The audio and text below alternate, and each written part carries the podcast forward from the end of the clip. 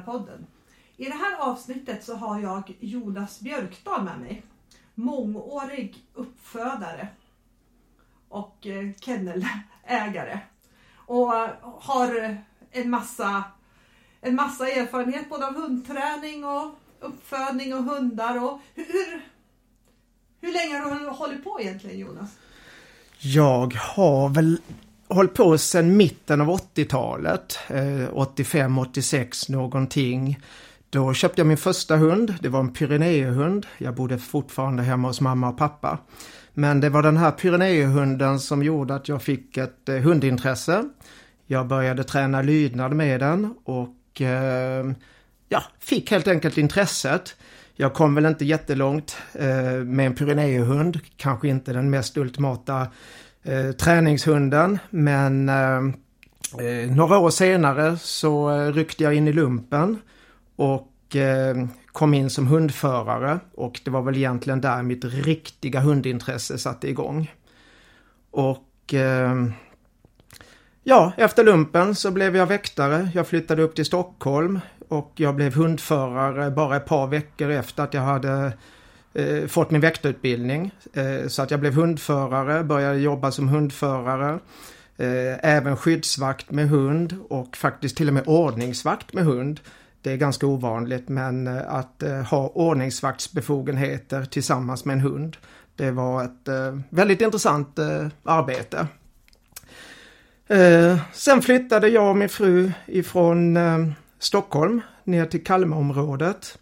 Och eh, intresset fanns ju hela tiden och eh, vi, höll på, eh, ja, vi höll båda på med hund.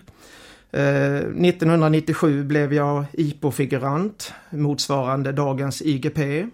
Eh, jag är mentalbeskrivare, ja, eller jag var mentalbeskrivare. Det var länge sedan jag eh, höll på med det så att jag är inte auktoriserad längre. Eh, vår uppfödning började vi med 1992. Så att, eh, ja, okay. 29 år sedan. 29 år sedan, ja det, det, det är ett tag sedan. Ja. Dina första hundar som du hade som väktarhundar, vad, vad var det för ras? Var det schäfrar? Ja, det var det. Eh, min första väktarhund var en schäfer och eh, min andra väktarhund var också schäfer och så vidare. Så att ja, det var schäfer som gällde. Ja, på den tiden var det, var det nästan bara schäfrar? Ja, eller? det var det nästan bara. Mallen började komma lite redan då. Men eh, det var nästan bara chefer. Ja. Du föder ju upp mallar och schäfrar nu. Hur kommer det sig att det har blivit just de här raserna? Det är väl i mitt tycke eh, två av de absolut bästa arbetshundarna. Eh, oavsett om vi pratar om eh, brukshundsport eller om vi pratar om tjänstehundsutövning. Eh, det är två raser som är avlade för just detta ändamål under väldigt lång tid. Eh, det finns många andra raser eh, som tidigare användes mycket som brukshundar. Men eh, ja, de sista åren, och då pratar vi om väldigt, väldigt många år, så har det mest bedrivits avel på utställningshundar och de har tappat mycket av sina gamla fina bruksegenskaper. Så att det är väl egentligen vi människor som ser till var hundarna hamnar någonstans. Bedrivs det en eh, genuin avel på, ja, exempelvis en jakthund, eh, då blir det också bra jakthundar.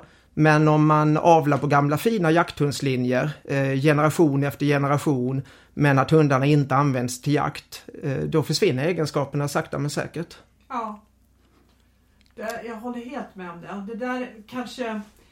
Det, det, det, det kommer ju ofta upp diskussioner om det här med att ja, men, vi kan inte ta in andra hundar på bruksproverna. Det borde bara vara för brukshundar och mm. alltihop det där. Men, men jag, jag, kan ändå tycka att brukshundar, det är de hundarna som man kan jobba med. Som man avlar på för arbete. Sen om det är en labrador eller en border collie Nej men jag, jag, jag håller med fullständigt. Alltså det är avelsinriktningen som styr hur hundarna blir. Om du verkligen genuint intresserar dig för att avla en viss ras för bruksarbete och är noggrann i ditt avelsarbete och eh, lyfter fram de egenskaperna som, som behövs. Eh, då blir det så att säga till slut en bra brukshund. Men om du så att säga har en bra brukshund och sen tappar egenskaperna, ja då är det ingen brukshund längre. Nej, nej. Det, så, så tänker det lite jag också faktiskt. vad, vad är det skojigaste med att vara uppfödare? Ja, det skojigaste är ju absolut valpköparna. Eh, det är ju valpköparna som gör en uppfödare. Eh, valpköparnas eh, framgångar. Eh, man följer dem från att de hämtar valpen. Eh, de utvecklar sina valpar, de börjar träna redan när valparna är små. Eh, sen helt plötsligt så eh, går de ut och, och, och kör en startklass lydnad eller vad det nu må vara. Och man ska inte glömma vilket jättesteg det är att ta en hund ifrån ingenting, alltså bara en liten busig åtta veckors valp, till att helt plötsligt köra en startklass. Eh, och sen fortsätter folk och sen så bara ramlar resultaten in och det är absolut det roligaste, det är att följa valpköparna och eh, följa deras framgång. Att eh, ta del av eh, MH-resultat, eh, ta del av röntgenresultat, eh, att följa valpköparna, det är absolut ja, det roligaste. Det är, ju, det är väl ett ganska digert jobb för dig, för du har förhållandevis ganska många kullar varje år. Ja, det är ett roligt eh, ett roligt jobb att följa. Eh, jag är ju lite av en nörd när det gäller eh, statistik, stamtavlor och försöker verkligen att följa varenda individ och eh, varenda MH-beskrivning och, och verkligen eh, titta hur blev valpen? Hur blev syskonen? Eh, jag tänker ju hela tiden avelsmässigt, är detta något man ska jobba vidare på? Eller fick man in oönskade egenskaper så att man eh, liksom verkligen hör att här ringer det en, va eh, en varningsklocka och eh, eh, det här är nog ingenting man ska jobba vidare på. Det gäller att vara väldigt, väldigt självkritisk. Ja. Tycker du att, eh, jag menar det här måste ju ändå gå lite lättare med tiden om man har hållit på 30 år. Tycker du att du har nytta, eller 29 år var det, men, men tycker du har nytta av det här i, i och med att du har varit med så länge och sett så mycket? Och... Absolut, eh, det känner jag ju verkligen att eh, man har hållit på länge, man har hittat sin egen typ av hund, man vet vad man vill ha, eh, man kan linjer, man kan linjer i Sverige, i Norden, i Europa. Man vet vilka hundar som generellt sett lämnar sociala trevliga hundar. Eh, man vet också ganska väl var det finns reservationer, eh, egenskaper som jag absolut inte vill ha i, i, våra hundar och som jag inte egentligen tror att det är särskilt många som vill ha. Eh, som en liten parentes där så eh, fanns det en belgisk hemsida, eh, en uppfödare med en hemsida, eh, ja det är några år sedan nu, men där stod det med stor blinkande text eh, att alla våra hundar är 100% icke-sociala. All our dogs are 100% non-social. Eh, och eh, olika uppfödare vill ju ha olika typer av hundar, olika köpare vill ha olika typer av hundar. Men vi har alltid varit väldigt noga med just den sociala biten och det har vi varit från det att vi tog våran första kull. Och där känner ju jag att vi har lyckats väldigt bra. Eh, absolut så har vi hundar med social osäkerhet, men de är väldigt lätta att räkna. Så att eh, där känner jag verkligen att vi har lyckats med att få fram sociala, trevliga, arbetsglada hundar eh, som funkar in i samhället, som funkar in i familj och så vidare. Ja, och det har du nog väldigt rätt i. För det här är faktiskt, jag, jag har gjort en liten marknadsundersökning innan jag skulle prata med dig. Eller, jag har frågat ganska många som både har blackneckshundar och som inte har blackneckshundar men som är lite inne på malle. Och alla säger ungefär samma sak. Det är att du har väldigt eh, snälla och trevliga hundar. Socialt väldigt fina hundar. Ja, nej men det, det är jättekul att höra. Och jag menar vi har barn och vi har haft barn höll jag på att säga nästan sedan vi började med våran uppfödning. Eh, Julia eh, fyller ju 21 nu och eh, ja, alla våra hundar har alltid funkat med barnen och när vi har haft eh, våra kurser och läger så har vi alltid haft ute våra hundar och de har varit som vandrande reklampelare för oss för att eh, de tycker om folk, de tycker om att jobba med folk. Eh, de är stabila hundar. Eh, Ena dagen en bra tjänstehund som eh, kan vara riktigt eh, rejäl i sin tjänsteutövning. Eh, men dagen efter när man får hem folk och ja, besök så, så släpper man bara ut hunden och, och folk säger gud vilken trevlig hund. Ja, ja. ja, det var ju faktiskt en av mina farhågor också. Att jag skulle få en hund som inte funkade så bra socialt. Då. Ja men den biten är viktig. Jag menar att, att, att inte vara trygg socialt är ett handikapp för ja, en hund. och det tar bort lite glädjen Ja, i ja. hundägandet också. Om Oh, du har en hund som du måste vara typ som en gråsparv och ha koll på hunden i varenda läge. För det är där du måste om, om Mm. den har sociala brister och Ja, det om den inte är snäll också. Då, liksom. Jag hade kurs så sent som eh, i, ja, i förrgår var det väl. Ehm, och eh, ja, jag ska inte nämna vilken ras det var men eh, eh, där var det en eh, jättetrevlig eh, ung tjej som hade två eh, hundar. Båda var så reserverade. Eh, när hon var själv ute på plan så gjorde hon ett jättebra jobb med hundarna. Eh, hon hade eh, fin eh, dressyr och hon ville ut och tävla. Men eh, alltså, ja vi har träffats ett par gånger och eh, ingen av hundarna har någonsin fortfarande vågat ens närma sig mig. Jag gör allt vad jag kan och vi är ute och går tillsammans. Men eh, det enda de gör det är liksom hålla ett vakande öga. Eh, det kan inte vara så roligt att leva så. Nej, nej, det är helt sant faktiskt. Har du råkat ut för någonting som uppfödare som du tycker är extra kul?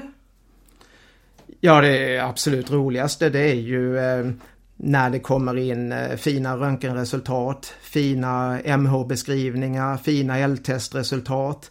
Eh, men extra kul det är ju när man har haft hund som har vunnit VM, vunnit SM, vunnit nordiska mästerskap. Eh, faktiskt till och med haft en hund som har vunnit ett indonesiskt mästerskap. För att inte tala om alla tjänstehundar. Jag menar alla de här sakerna som sker i samhället där hunden gör en eh, god samhällsinsats. Mm. Så att eh, polishundar, väktarhundar, hundar inom eh, kriminalvården och ja, Ja, så den typen av eh, nyhetsuppdateringar, eh, den är ju helt fantastisk. ja, ja. Har du rå- råkat ut för något som har varit extra jobbigt då? Ja, det tråkigaste är väl alltid när en hund är sjuk. Ja. Låt oss ta som ett exempel, du har haft kanske 20 hundar som har röntgats. Alla hundar har fått A på höfter och armbåge utan anmärkning. Och sen dyker det upp en hund med kanske en tvåa på en armbåge. Eller ett D på en höft. Jag menar det man kommer ihåg, det är ju den här stackars valpköparen som har fått en hund med en D på en höft. Eh, då glömmer man ganska fort alla de här friska, sunda hundarna och alla glada valpköpare. Utan istället lider man ju med personen i fråga som, eh, ja, Ja. har fått en hund som inte var frisk. Eh, Upplever du mallarna som en frisk ras? mallarna är väldigt friska. Ja, det är nog utan tvekan våran friskaste brukshundsras. Ja. Nu är jag ingen expert eh, och jag har ingen statistik framför mig så men eh, eh, mallarna är friska, sunda. Självklart så finns det fel på mallarna också men procentuellt sett så är den procentandelen väldigt låg. Mm. Mm. Ja, det är, det är trevligt. För det, Något annat som är tråkigt är väl också då som sagt inte bara hälsobiten utan det som jag säger man föder upp sociala trevliga hundar med goda arbetsegenskaper. Men självklart är det som så att eh, alla hundar blir inte bra. Utan ibland eh, blir en hund dålig. Jag menar vi har också fött hu- upp hundar som, eh, som är socialt dåliga. Ehm, Ja, och sen har vi ibland också haft otur att sälja till fel valpköpare. Det får man inte heller glömma och det blir man ju också ledsen med. Man har liksom lagt ner ett stort arbete och man tycker och tror att det här kommer bli bra och sen blir det inte alls bra. Så att eh, det finns många nackdelar med att vara uppfödare. Ja. Det, det går upp och ner. ja, Mycket det. glädje men också en del sorg. Ja, ja det, det kan jag mycket väl förstå faktiskt. Du, du har ju haft ganska mycket valpar nu. Mm. Tycker du att du kan se på valparnas egenskaper? De är ju kvar, till dig, till- tills- de är kvar hos dig tills de är åtta veckor. Tycker du att du kan se vad det ska bli av dem längre fram? Och hur tydligt tycker du att du kan se det? Eller kanske inte du kan se det alls, men Jag tycker man kan se väldigt mycket de första åtta veckorna. Eh, nog ganska mycket mer än vad många människor tror. Eh, och då kommer man egentligen återigen tillbaka till det här med den sociala biten. Är valparna pigga framåt när det kommer folk? Eh, springer de fram, hoppar och studsar och, och busar och leker? Eller drar de sig undan? Är de skygga? Eh, Så just den här allmänna biten, är valparna pigga framåt eller är de lite åt det mer försiktiga hållet? Det ser man tydligt redan innan leverans. okej. Och eh, vad vi också tittar jättemycket på det är miljöbitar. Vi har ju eh, olika ställen där vi miljötränar våra valpar. Eh, vi kollar ljudkänslighet. Vi kampar med valparna, vi leker mycket med valparna. Vi kollar valparnas föremålsintresse. Man kan också se tydligt eh, redan i valpkullen hur det ligger till med eh, eh dominans.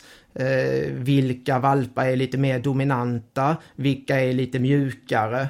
Eh, och en mjuk hund behöver absolut inte vara någon dålig hund utan eh, snarare en hund som passar för vissa människor. Medan eh, den dominanta hunden eh, passar då kanske till andra människor. Eh, en del valpar är så pass dominanta så att man liksom nästan eh, funderar på att eh, låta de andra syskonen så att säga vara, vara borta ifrån denna hunden för att det enda hunden gör är att bråkar och, och, och, och, och är dum liksom. Ja, Eh, och det brukar sitta kvar. Det brukar sitta kvar. ja, det, ja, ja. Om, om man märker då, om du, du skulle märka att du har en, en valp som du inte alls liksom, som du är väldigt skeptisk till, som eh, ga- ganska mycket rädsla. Mm, Vad, mm. vad, vad, vad, gör, vad gör du då? Vad gör man då? Det har hänt flera gånger genom årens lopp att vi har haft hundar som vi liksom känner att detta är inte riktigt bra. Eh, då lämnar vi återbud till valpköparen och eh, sen behåller vi valpen själva och sedan så eh, följer vi helt enkelt valpens utveckling. Ibland blir valpen eh, bara på några dagar jättebra direkt syskonen har försvunnit. För det har liksom varit ingen dålig hund men det har ändå varit typ kullens hackkyckling. Eh, så att eh, när syskonen väl försvinner så bara blommar valpen ut och, och blir jättebra. Eh, och i något enstaka fall så, så, så blir inte valpen bra. Och eh, nej, då säljs den inte. Nästa fråga då. Är, är det du som väljer valparna till köparna eller väljer köparna valparna? Det är faktiskt vi som väljer vem som ska ha vilken valp. Eh, av den enk- eh, Nu enkla... säger vi, då är det Jag och min fru. Jag och din fru. Ja, ja, min fru är... Är ni eniga? Eh, ja, det är vi nästan alltid. Ja. Eh, och det är alltid bra att ha två infallsvinklar och två synsätt. Jag och min fru tänker och tycker likadant, men vi ser kanske lite olika saker. Ja. Så att det har varit många långa samtal om vem som ska ha vilken valp. Eh, Det, det avgör vi alltid tillsammans. Spännande. Ja, eh, och där har vi mycket av, ja, min fru har ju också varit med från början så att säga så att eh, vi har ju några års erfarenhet om man lägger ihop det hela. Så Ja. blir det ju. Ja. Ja, det är som sagt vi som väljer valpar. En av anledningarna är väl egentligen att när folk kommer och ska titta på sin valp och kanske själva då vill välja valp. Det är att är valpen trött? Jag menar valpar sover i omgångar när de blir lite äldre. Tre, fyra valpar busar jättemycket och sen blir de trötta och sover. Och de andra valparna som precis har sovit, då blir de jättepigga. Sen kommer valpköparen och eh, ser egentligen bara de här fyra som utmärker sig, alltså de som precis har sovit. De andra fyra som är jättetrötta, ja de reser sig lite och de tittar lite, de kommer fram och säger hej och sen går de och lägger sig. Och då säger valpköparen direkt, den där verkar lite försiktig. Och då tänker jag, ja du skulle bara veta. För det är ju faktiskt den värsta i kullen. Det är bara det att just nu Så. är han jättetrött. Han har lekt och busat länge. Men vi ser ju skillnaden, för vi ser dem hela tiden. Medan valpköparen ser ju bara precis det som händer kanske under den en eller två timmarna som personen i fråga är här. Ja. håller helt med. Faktiskt. Som uppfödare finns det ju väldigt många saker att ta hänsyn till. Till exempel arbetslust, mentalitet, sjukdomar, exteriör. Vilket ser du mest till? Och finns det någonting som är helt diskvalificerande hos en avelshund? Ja absolut så är ju hälsan och mentaliteten eh, det vi lägger eh, vikt på. Eh, jag återkommer hela tiden till det här med just att hundarna skall vara sociala och trevliga. Eh, det ska vara stabila hundar med goda nerver och bra dådkraft. Eh, det är vad jag kallar de tre hörnstenarna. Eh, det spelar ingen roll hur mycket arbetslust och hur mycket drifter din hund har. Om inte nerverna finns där så håller den inte ihop. Så att en hund ska vara social, den ska ha bra nerver, den ska ha bra dådkraft. Det är det absolut viktigaste. Eh, arbetslusten finns faktiskt i de flesta mallar eh, och även i de flesta eh, schäfrar och då pratar jag framförallt om brukschäfrar. Eh, jag har ju tyvärr träffat mycket Ja, bland annat chefer eh, som inte har någon arbetslust. Men eh, det är det absolut viktigaste. Eh, vad vi lägger jättestor eh, vikt på det är också syskonen. Att man inte bara tittar på eh, eh, mamman och pappan utan eh, hur är pappans syskon? Hur ser eh, mentaliteten ut i, i, hela kullen? Alltså hur ser kullsnittet ut? Eh, hur ser höfter, armbågar, ryggar och så vidare ut eh, på hela kullen, inte bara på föräldradjuret.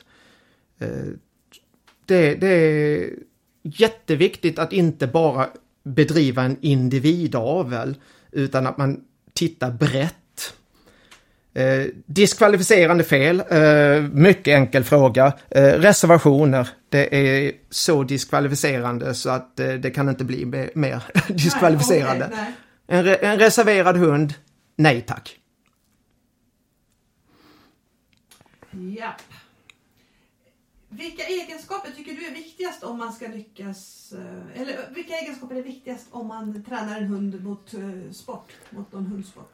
Ja, det är en bra fråga. Eh, vilken sport?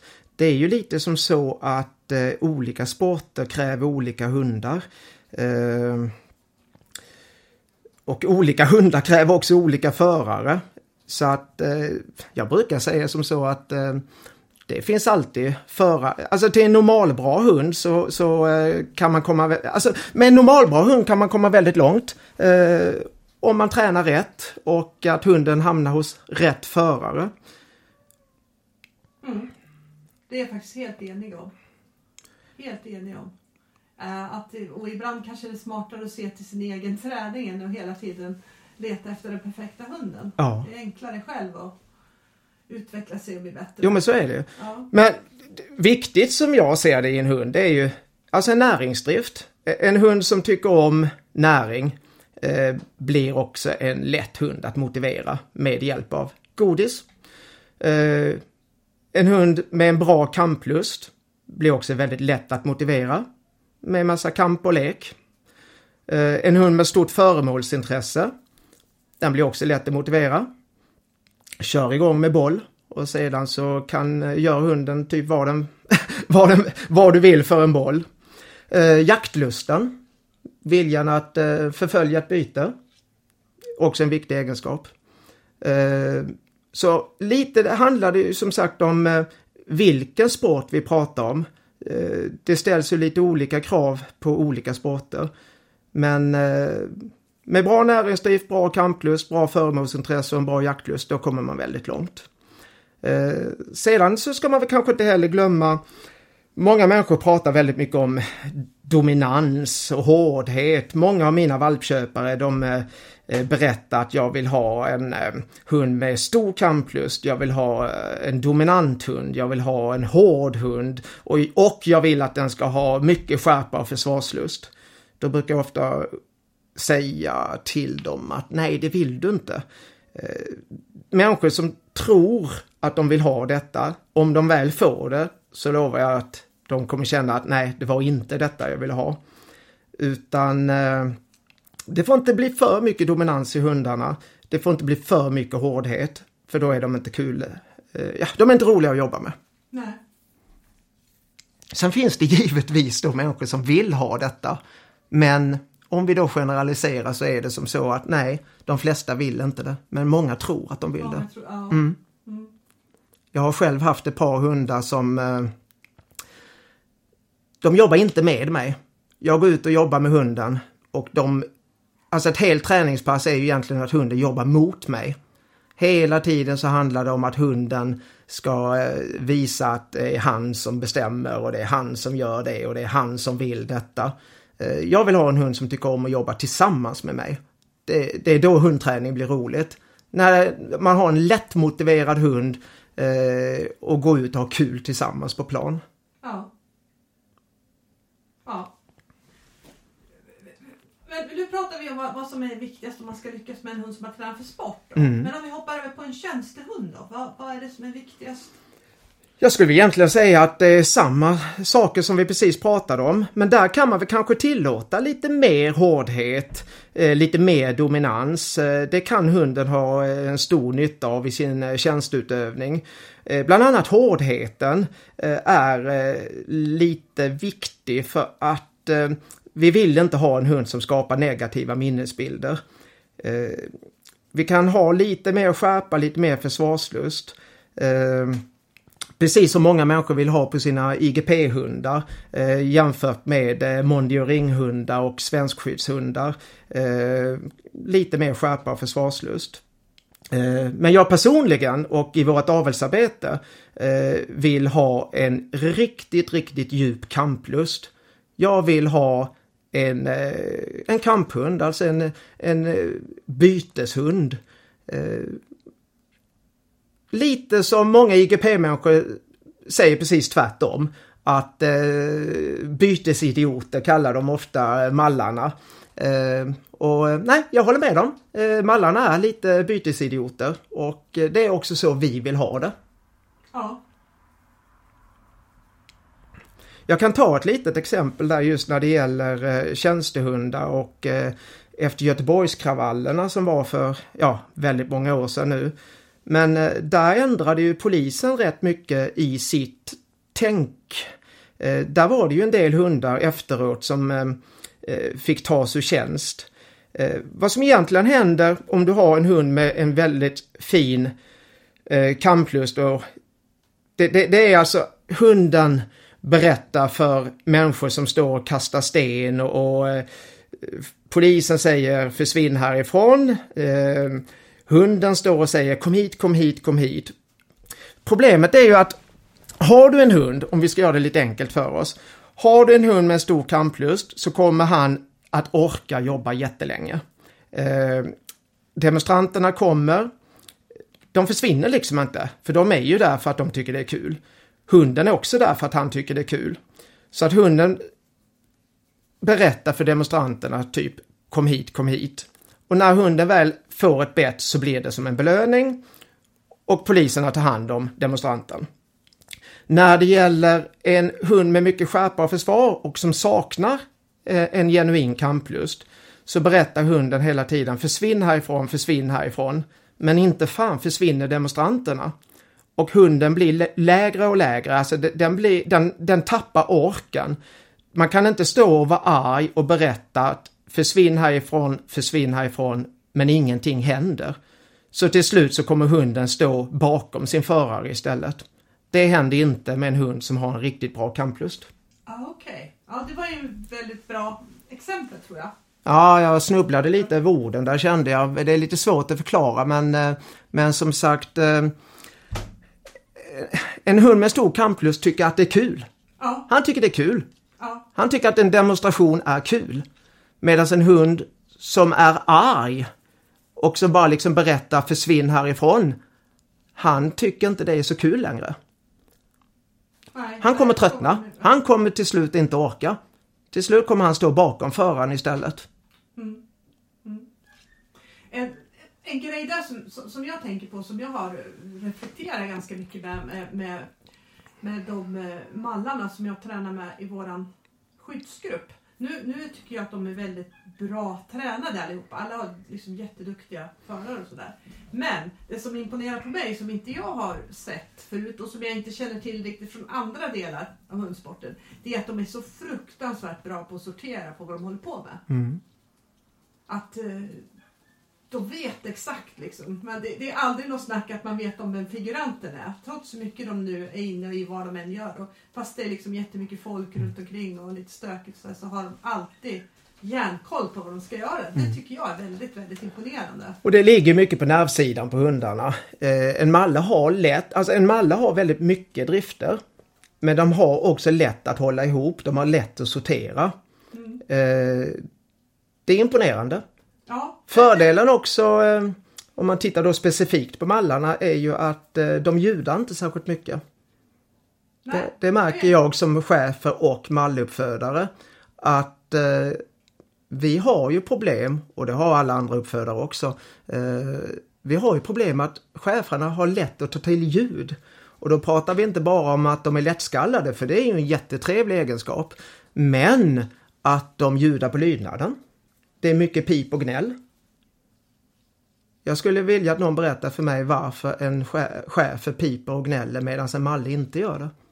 Självklart finns det mallar som piper och gnäller men de är jätteovanliga.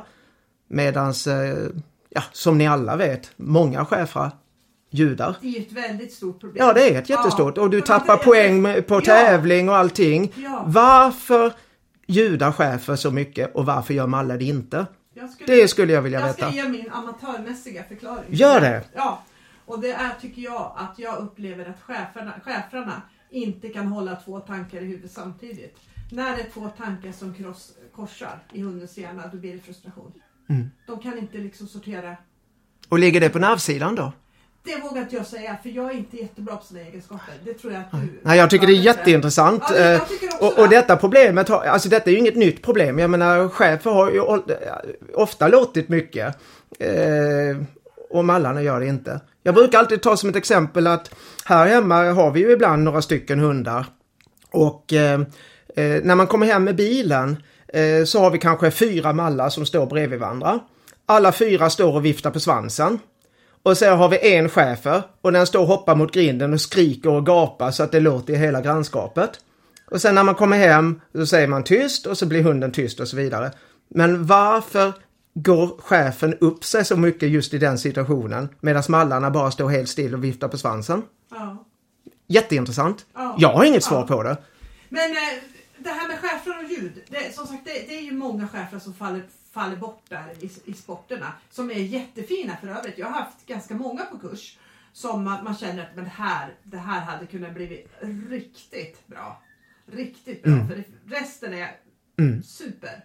Men så är det ljud. Sen går det ju att jobba med ljud. Men det, det är både ganska jobbigt och väldigt liksom, det krävs ju väldigt mycket träningsskills för att hålla det här på rätt sida, tänk, tänker jag. Men är det någonting som diskuteras i chefer av en överhuvudtaget? Ja, det gör det. Det Ja. diskuteras jättemycket. Va, va, Eh, vad tänker man då? Liksom? Ja, alla tänker olika som det alltid är när, när folk diskuterar saker. Det är så oerhört intressant att följa diskussioner på eh, olika forum och Facebook och så vidare. Ja. För att, eh, ja, alla har sina egna tankar och idéer och eh, slutet, eh, alltså kontentan av det hela blev väl egentligen att eh, man blev inte ett klokare av det hela.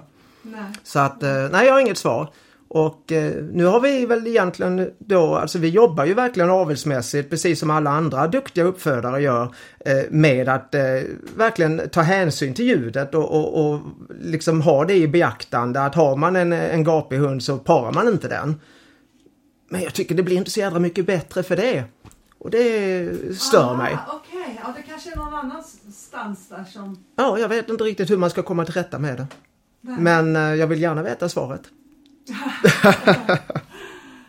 Ja, nej, det, det är lite, jag, jag tror att det är det här att de har svårt av, men jag vet inte riktigt hur man ska komma åt det avelsmässigt. Nej. Liksom, och vilka egenskaper man skulle behöva se på det för Mm. att liksom fixa, fixa det. Ja, men intressant i alla fall. Det är jätteintressant för det här, det här är ju många som både tänker på och har, har bekymmer med. Ja, man märker det så himla tydligt när man håller kurser och så vidare att eh, schäfrar låter mer än mallar. Ja, Och eh, varför? ja, ja. motsägelse? Är det något problem kan man säga? Att avla både för sport och tjänst eller går det lite hand i hand? Ja, absolut så finns det ju motsägelser. Eh, för det är ju som så att eh, en sporthund Eh, återigen så handlar, vi, handlar ju frågan om vilken sport pratar vi om. Men om vi kanske då fokuserar på eh, eh, i detta fallet sport då mer som ett skyddshundsarbete eh, och tjänst då mer som ett eh, polisarbete. Eh, så avelsmässigt så är det ju en balansgång att eh, återigen då föda upp hundar med social, som är sociala, som har goda nerver, som har bra dådkraft. Eh, Givetvis arbetslusten, den måste ju alltid finnas där. Eh, däremot så när det gäller just det här med hårdhet, dominans, det är väl där man får, får vara lite noga. Att man inte bara använder hundar i avel som är väldigt hårda eh, eller som är väldigt dominanta. För då får du oerhört svårjobbade hundar. Eh, och eh, när man tittar på tävlingshundarna så kan det ofta snarare vara lite en fördel att hunden inte är alltför hård, inte alltför dominant, utan den blir lättare att styra.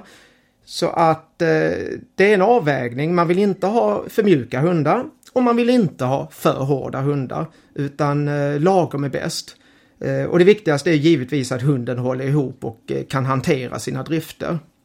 Eh, tittar man till exempel på eh, L-tester så finns det ju många hundar som eh, ja, vi har ju själva importerat typ eh, vuxna IPO 3-hundar eh, som eh, verkligen har eh, visat framtassarna på tävlingsbanorna och som vi har importerat just för att eh, det här är något som kan tillföra vårt avelsarbete något gott.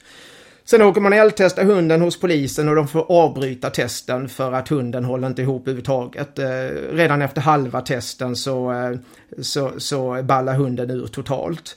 Eh, och då pratar vi ändå om en hund som så att säga har, har gjort jättefina resultat tävlingsmässigt.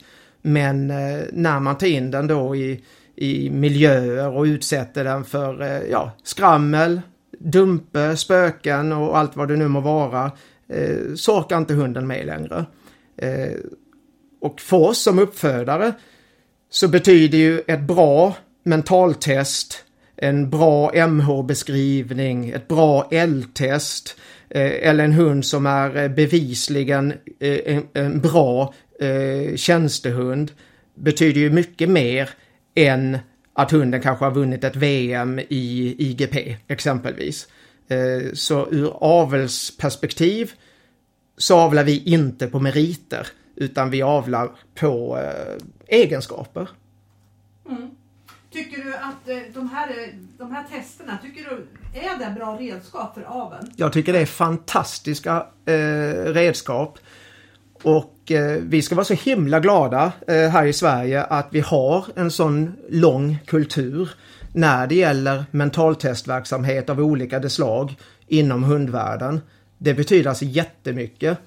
Och eh, man ser ju som sagt direkt redan på ett MH-test när man tittar på kullsnittet man går igenom alla testerna när alla valparna är, är beskrivna.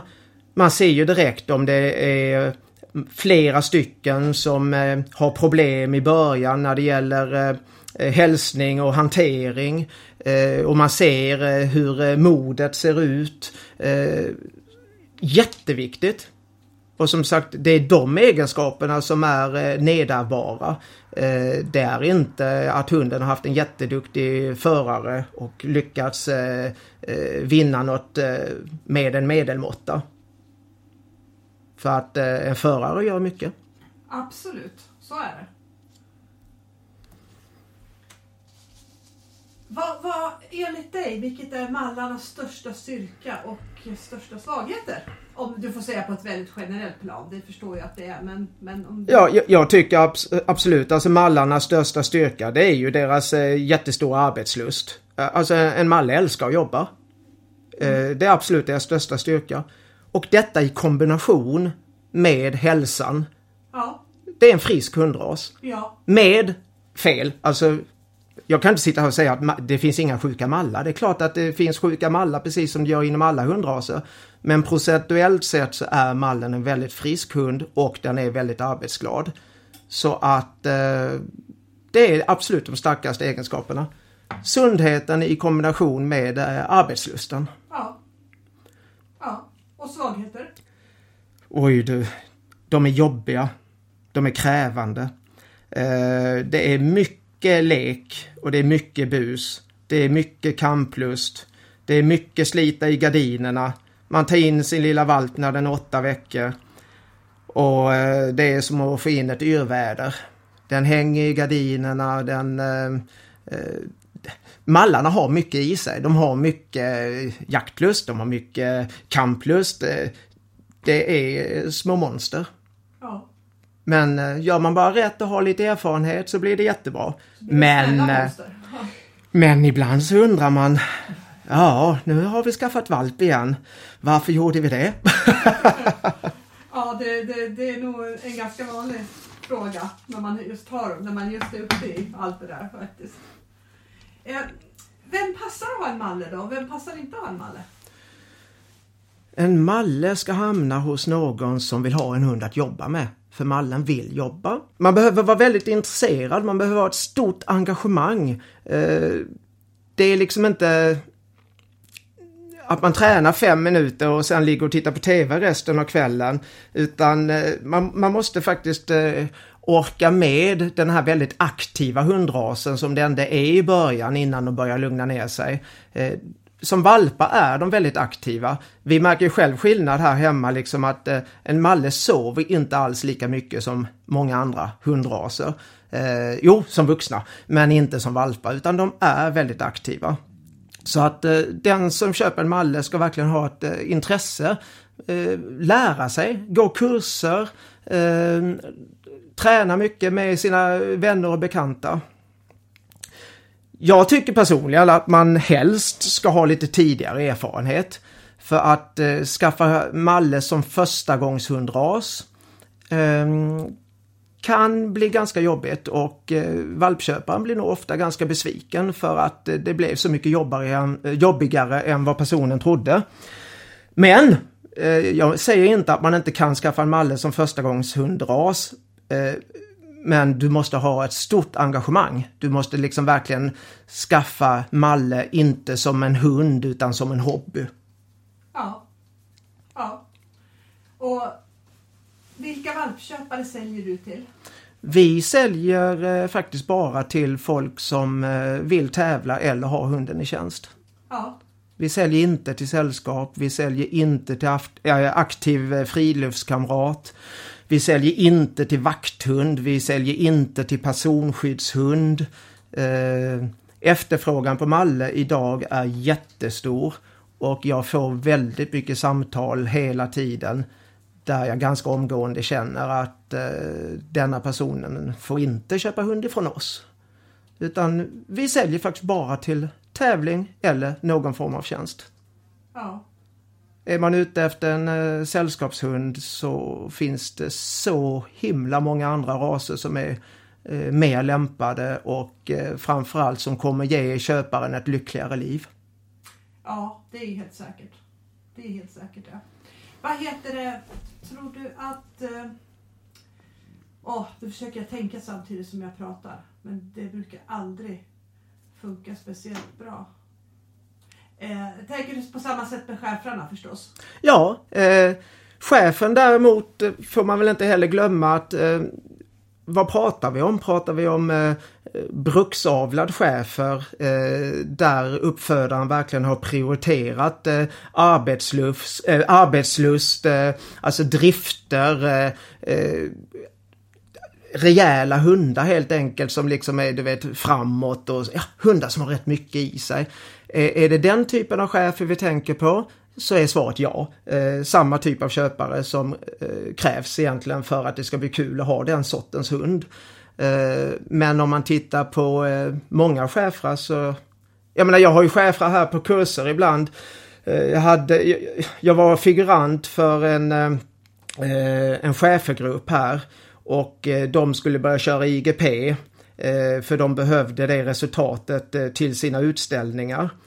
Och jag lekte med trasa i en vecka vecka och sen lekte jag med trasa i en vecka till och tredje veckan när jag stod där och slet och drog en trasa på backen och så vidare så stod hunden fortfarande med ryggen mot mig och tittade upp i himlen och, och kollade om det var någon fågel någonstans eller något sånt.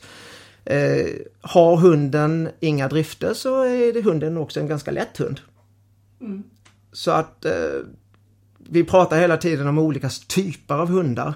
Är det en genuint bruksavlad hund med mycket drifter eller är det en hund som är ganska död? Mm. En ganska död hund är också en ganska lätt hund. Ja, precis.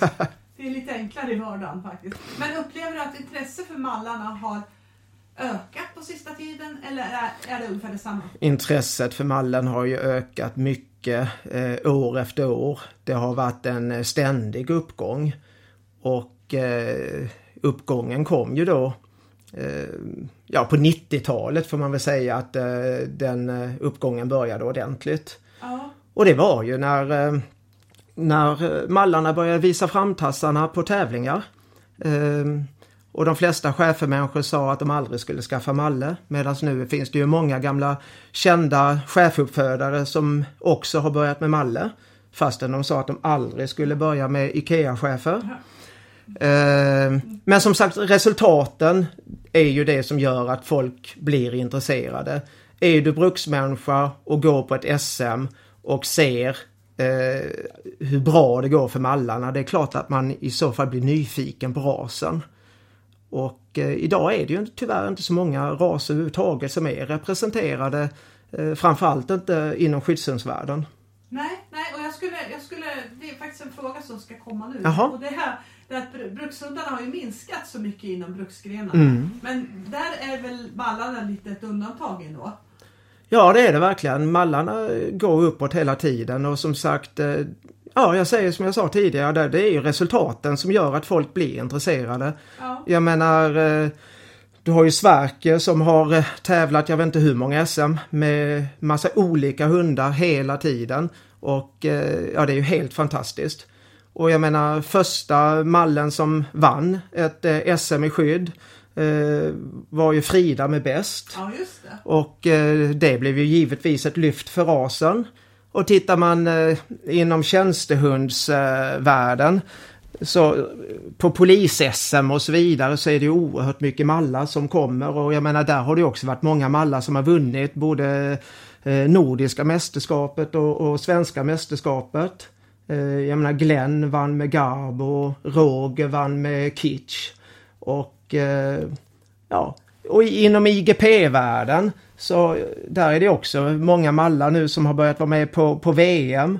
Och där har vi också då, eh, ja Tarja med Koko eh, som har varit med på eh, VM och flera andra också. Nu är inte jag så bra på namn men eh, ja, för att nämna några. Ja. Men, men det, det är ju helt enkelt eh, resultaten talar för sig själva. Ja. Vad, vad, tror du att andra med andra brukshundsraser skulle kunna tänka lite på det? Eller för att liksom... Ja, alltså i, med handen på hjärtat. Hur många riktiga bruksuppfödare av rottweiler finns det? Inte en aning. Nej, inte jag heller.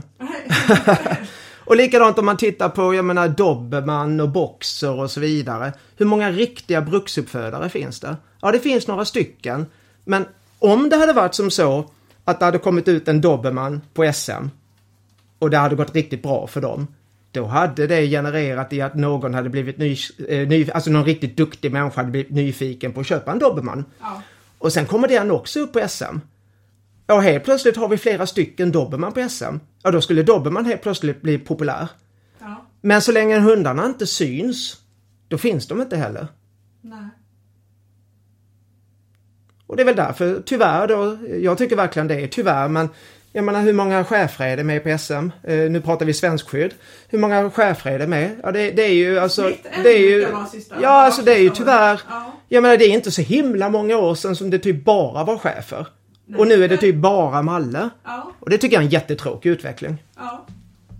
Jag tycker det är så himla roligt. Jag menar förr när man alltid åkte ner på, eh, på VM i IPO Och eh, man såg eh, Arredale terrier, man såg rottweiler, eh, man såg eh, dobermann, man såg riesenschnauzer. Eh, alltså det var massa olika hundraser. Ja. Men tyvärr så, så nu är det ju typ bara malle och schäfer. Mm. Tråkigt. Ja. Jag älskar alla hundraser nämligen. En bra hund är alltid en bra hund oavsett ras. Absolut, Ja. det håller jag helt med om. Helt, helt enig. Vilken typ av hundar gillar du för egen del att träna? Det har väl framkommit lite, men du kan få säga det en gång till. Eh, Jag vill ha en massa arbetslust. Jag vill ha en stabil hund. Eh, Jag vill inte ha de här ytterlighetshundarna. Eh, Det ville jag nog när jag var lite yngre. Men eh, jag vill nog eh, ha en stabil hund med goda nerver, bra dådkraft, massa arbetslust, massa kamplust. Eh, sen framförallt lite som jag nämnde tidigare. Eh, jag vill ha en hund som jobbar med mig, inte mot mig. Eh, när jag var yngre var det rätt roligt eh, med de här eh, stökiga, bökiga hundarna. Eh, det är inte lika kul längre. Nu, nu eh, jag vill inte gå ut på plan och hålla på och rycka i mina hundar utan jag vill gå ut och, och på plan och, och, och leka med mina hundar. Ja.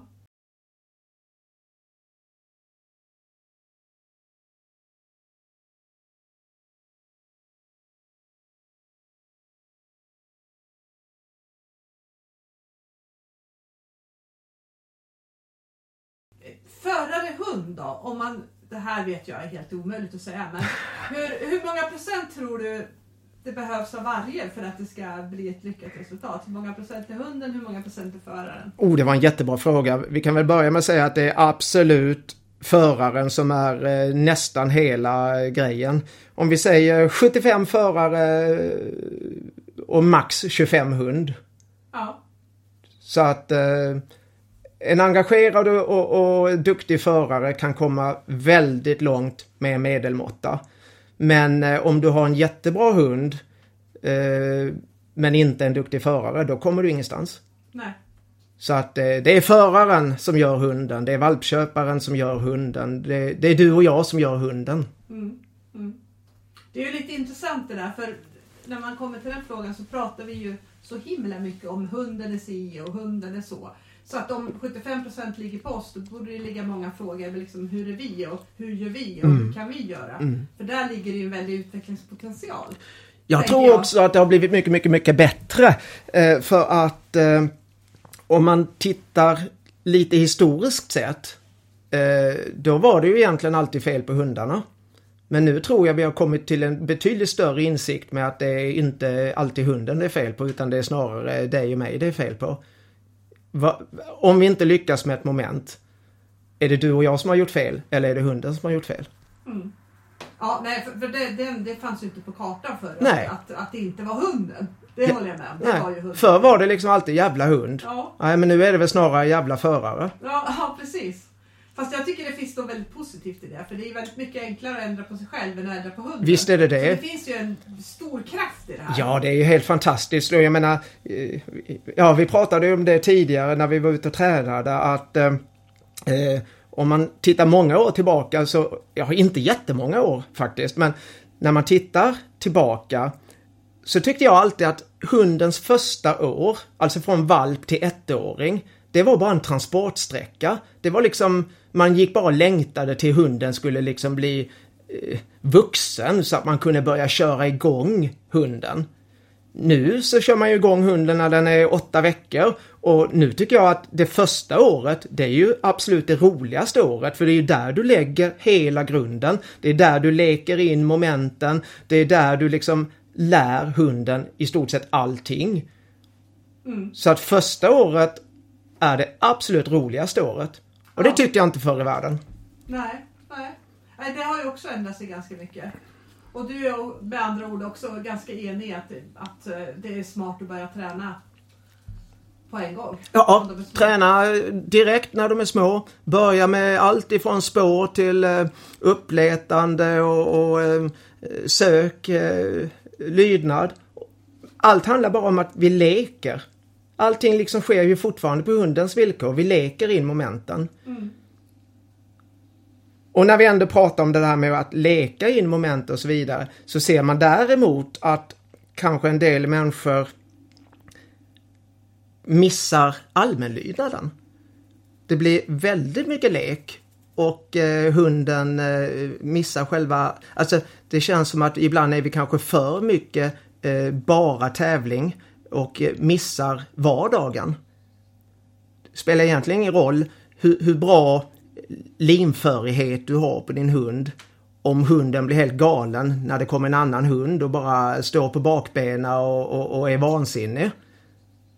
Och så ska man stå där och locka med godis. Nej, sluta, nej. Nej, det funkar inte riktigt. Så att vi leker första året men vi skapar också eh, en... Eh, vi lär in ordet nej. Eh, vi lär in ordet gå och lägg dig inomhus. Man behöver inte ha en hund som följer med på toaletten. Man behöver inte ha en hund som hela tiden ska vara med och så vidare. Utan hunden måste också lära sig att koppla av. Det behöver inte hända saker hela tiden utan man måste också kunna sova. Och leker man hela tiden med sin hund och tränar hela tiden inne i köket eh, och tränar i vardagsrummet och hela tiden. Då, då blir det liksom en hund som kanske då förväntar sig aktivitet hela tiden. Vi får inte glömma eh, att, att hunden också måste lära sig att sova och att det faktiskt eh, finns något som heter passivitet. Mm. Absolut. Kan du ge dina tre bästa tips för att man ska lyckas med träningen? På ett litet generellt plan oavsett hund och vilken sportgren man gör. Ja, eh, jag tycker att näringsdriften är oerhört viktig. Det är så lätt med en hund som gör vad som helst med en, för en godisbit. Och där har jag ju märkt att många människor har lite problem för att deras hundar är inte så intresserade av godis. Eh, det innebär ofta egentligen att hunden har fått för mycket mat och att du tränar och ger massa godis. Eh, så låt din hund vara lite hungrig. Ska du träna lydnad på morgonen, ja men skippa frukosten. Eh, så näringsdriften tycker jag är jätteviktig. Och som jag också har nämnt tidigare, lek, lek, lek, samarbete. Ha kul med din hund. Eh, kampa mycket, lek mycket. Lär hunden redan från början, redan när den är pytteliten, lär in den passivitetssläppande när du har kampat med den och sen belöna med ny kamp så att du slipper konflikterna. Eh, så att lek med din hund. Och eh, det tredje tipset får faktiskt bli att eh, glöm inte all allmänlydnaden. Glöm inte ledarskapet. Glöm inte faktiskt på hundar som har så här mycket drifter och som faktiskt har så här mycket i sig, för det är ju inga jättelätta hundar glöm inte att det faktiskt är du som bestämmer och att det är du som också ställer krav. Så att inte allting sker på hundens villkor. Det glömmer faktiskt rätt många idag. Det märker man att eh, antalet folk idag som har problemhundar är större än vad det var förr. Ja, det upplever jag också. Men jag, jag brukar fundera på om det är jag som har dåligt minne eller om, om det verkligen var så. Nej men det är absolut ja. så. Jag märker det på, jag menar jag har hållit på med detta då i så pass många år. Och jag märker ju på att de som kommer och tränar eh, idag är det ju mer vardagsbekymmer än vad det var förr. Ja, ja. ja jag, jag upplever det nog så jag också faktiskt. Jag, måste, jag, jag har kommit med ett par frågor efter det här du sa nu. Det första jag skulle vilja fråga dig. Enligt dig, kan man leka med alla hundar? Enligt mig så kan man leka med alla hundar, ja. Mm. Men det är också då på vissa hundar viktigt att det är du som också bryter leken. Ja. Men ja, du kan leka med alla hundar. Mm, ja, jag är helt enig i det. Men det är ju någonting som väldigt många får lära sig. Den här hunden får du inte leka med. Ja, den här hunden får du inte kampa med. Nej. Den här hunden får du inte. Exakt, och jag mm. upplever det som liksom lite tvärtom. Sådana hundar behöver definitivt leka och kampa. Leka och kampa och liksom... också lära sig när leken är slut. Absolut. Och, och lära sig släppa, mm. Det är du som tar initiativ till leken och det är du som bryter leken. Ja. Och det finns ju många sätt att leka på. Liksom, lek gör ju inte hunden mer upphetsad och mer stressad om man gör det på rätt sätt. Nej, precis. Men det är lite intressant att höra för det här är ju någonting som man ganska ofta hör. Mm, mm, faktiskt, med mm. alla möjliga olika. Mm. Nej, men jag har också precis som du säger den erfarenheten. Det är många som har varit på någon kurs och sagt att nej, de sa att jag inte fick göra så. Nej, den här ska bara belönas med godis. För att så att annars så kan det, mm. Mm. nej. Eh, har du bara som sagt eh, ledarskapet eh, så, så, så blir det bra. Och har du inte ledarskapet så är det ett ypperligt tillfälle att få ett ledarskap. För det är du som styr det hela. Mm. Va, ledarskap, vad tänker du? Vad, vad innefattar du i det? Ledarskap innebär att det är jag som berättar för hunden vad som är okej okay och vad som inte är okej. Okay.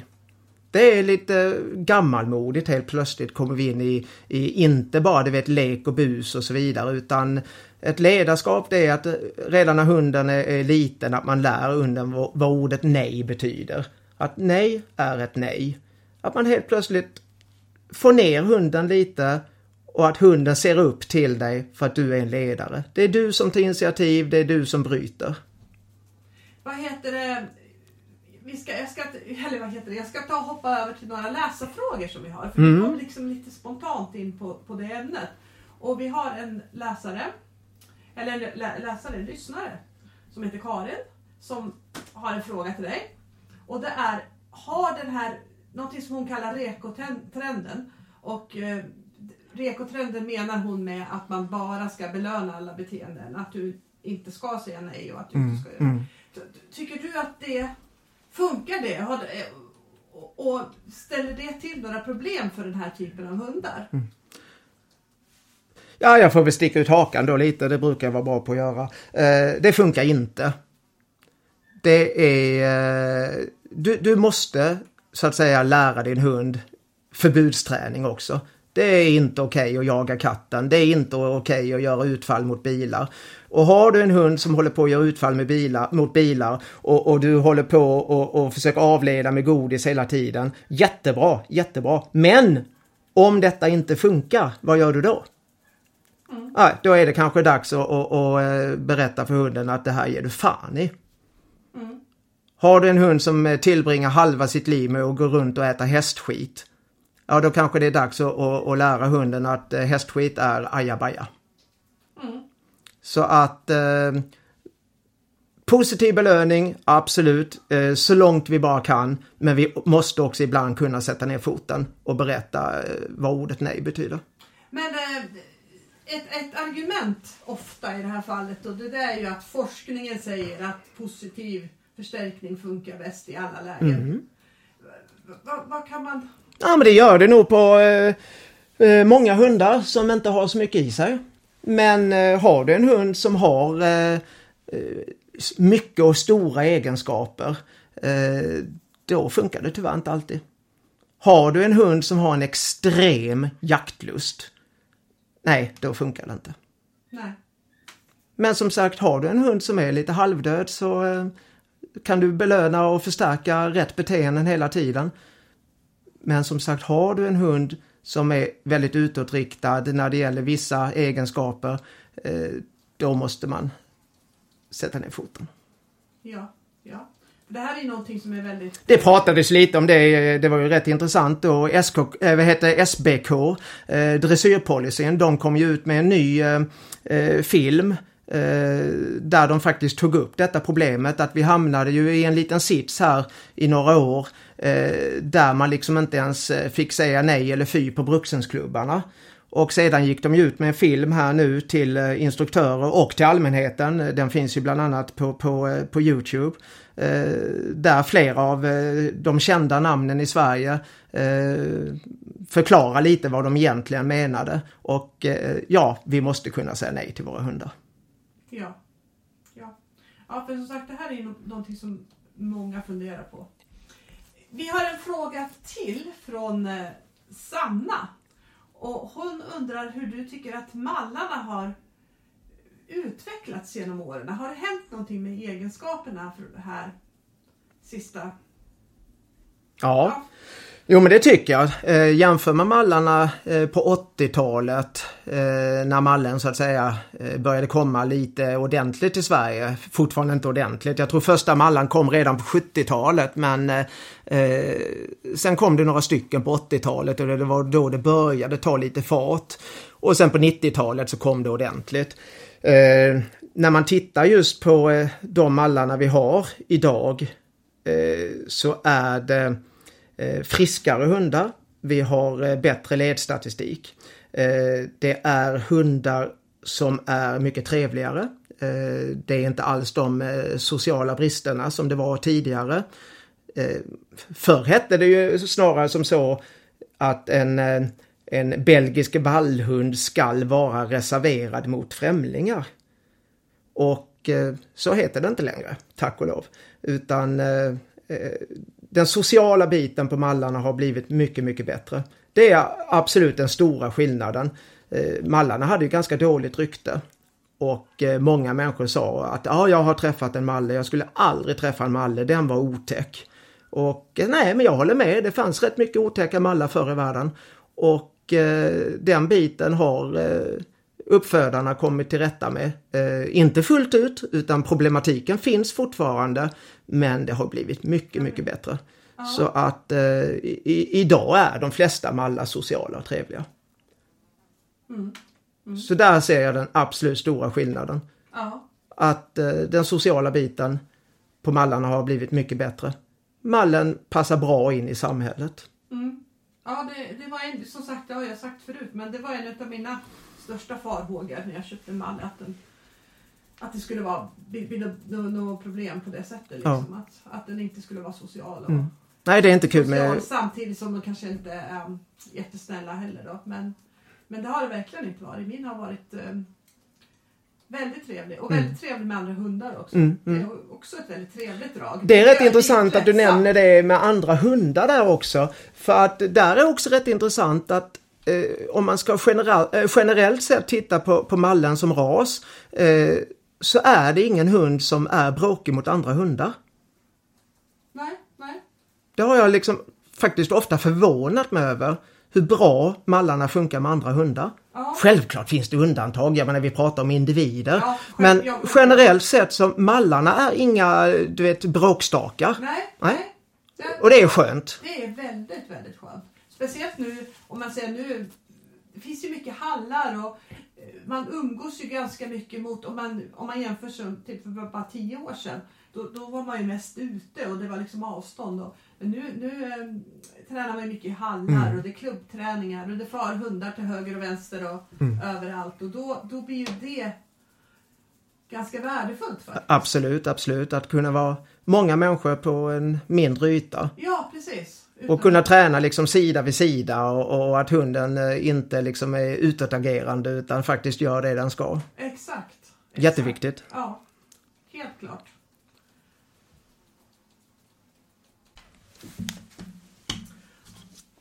Okej, vi har ju haft väldigt mycket att prata om här. Nu, men nu är jag lite nyfiken. Vad har du för framtidsplaner då inom hunderiet?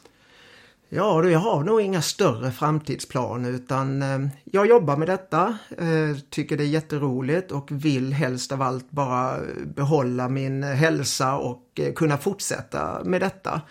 Eh, tänk vad underbart det hade kunnat vara att fortsätta att följa det arbete man har gjort i så många år i, ja men du vet ytterligare en 20-30 år framöver. Eh, det hade varit jätteroligt. Snacka om erfarenhetsbank. Ja, jag menar nu är det, jag har haft Malle då som sagt, eh, vi har haft uppfödning i 29 år och vi har haft Malle längre än så. Så att eh, man har varit med i några år och tänk att kanske kunna fortsätta i typ 20 eller 30 år till. Det hade varit roligt. Ja.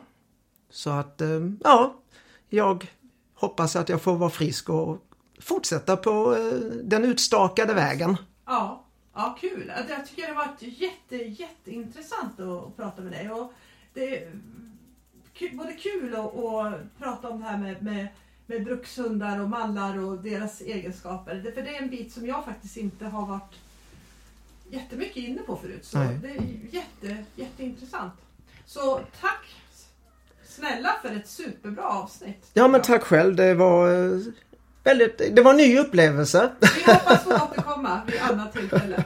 tack så hjärtligt.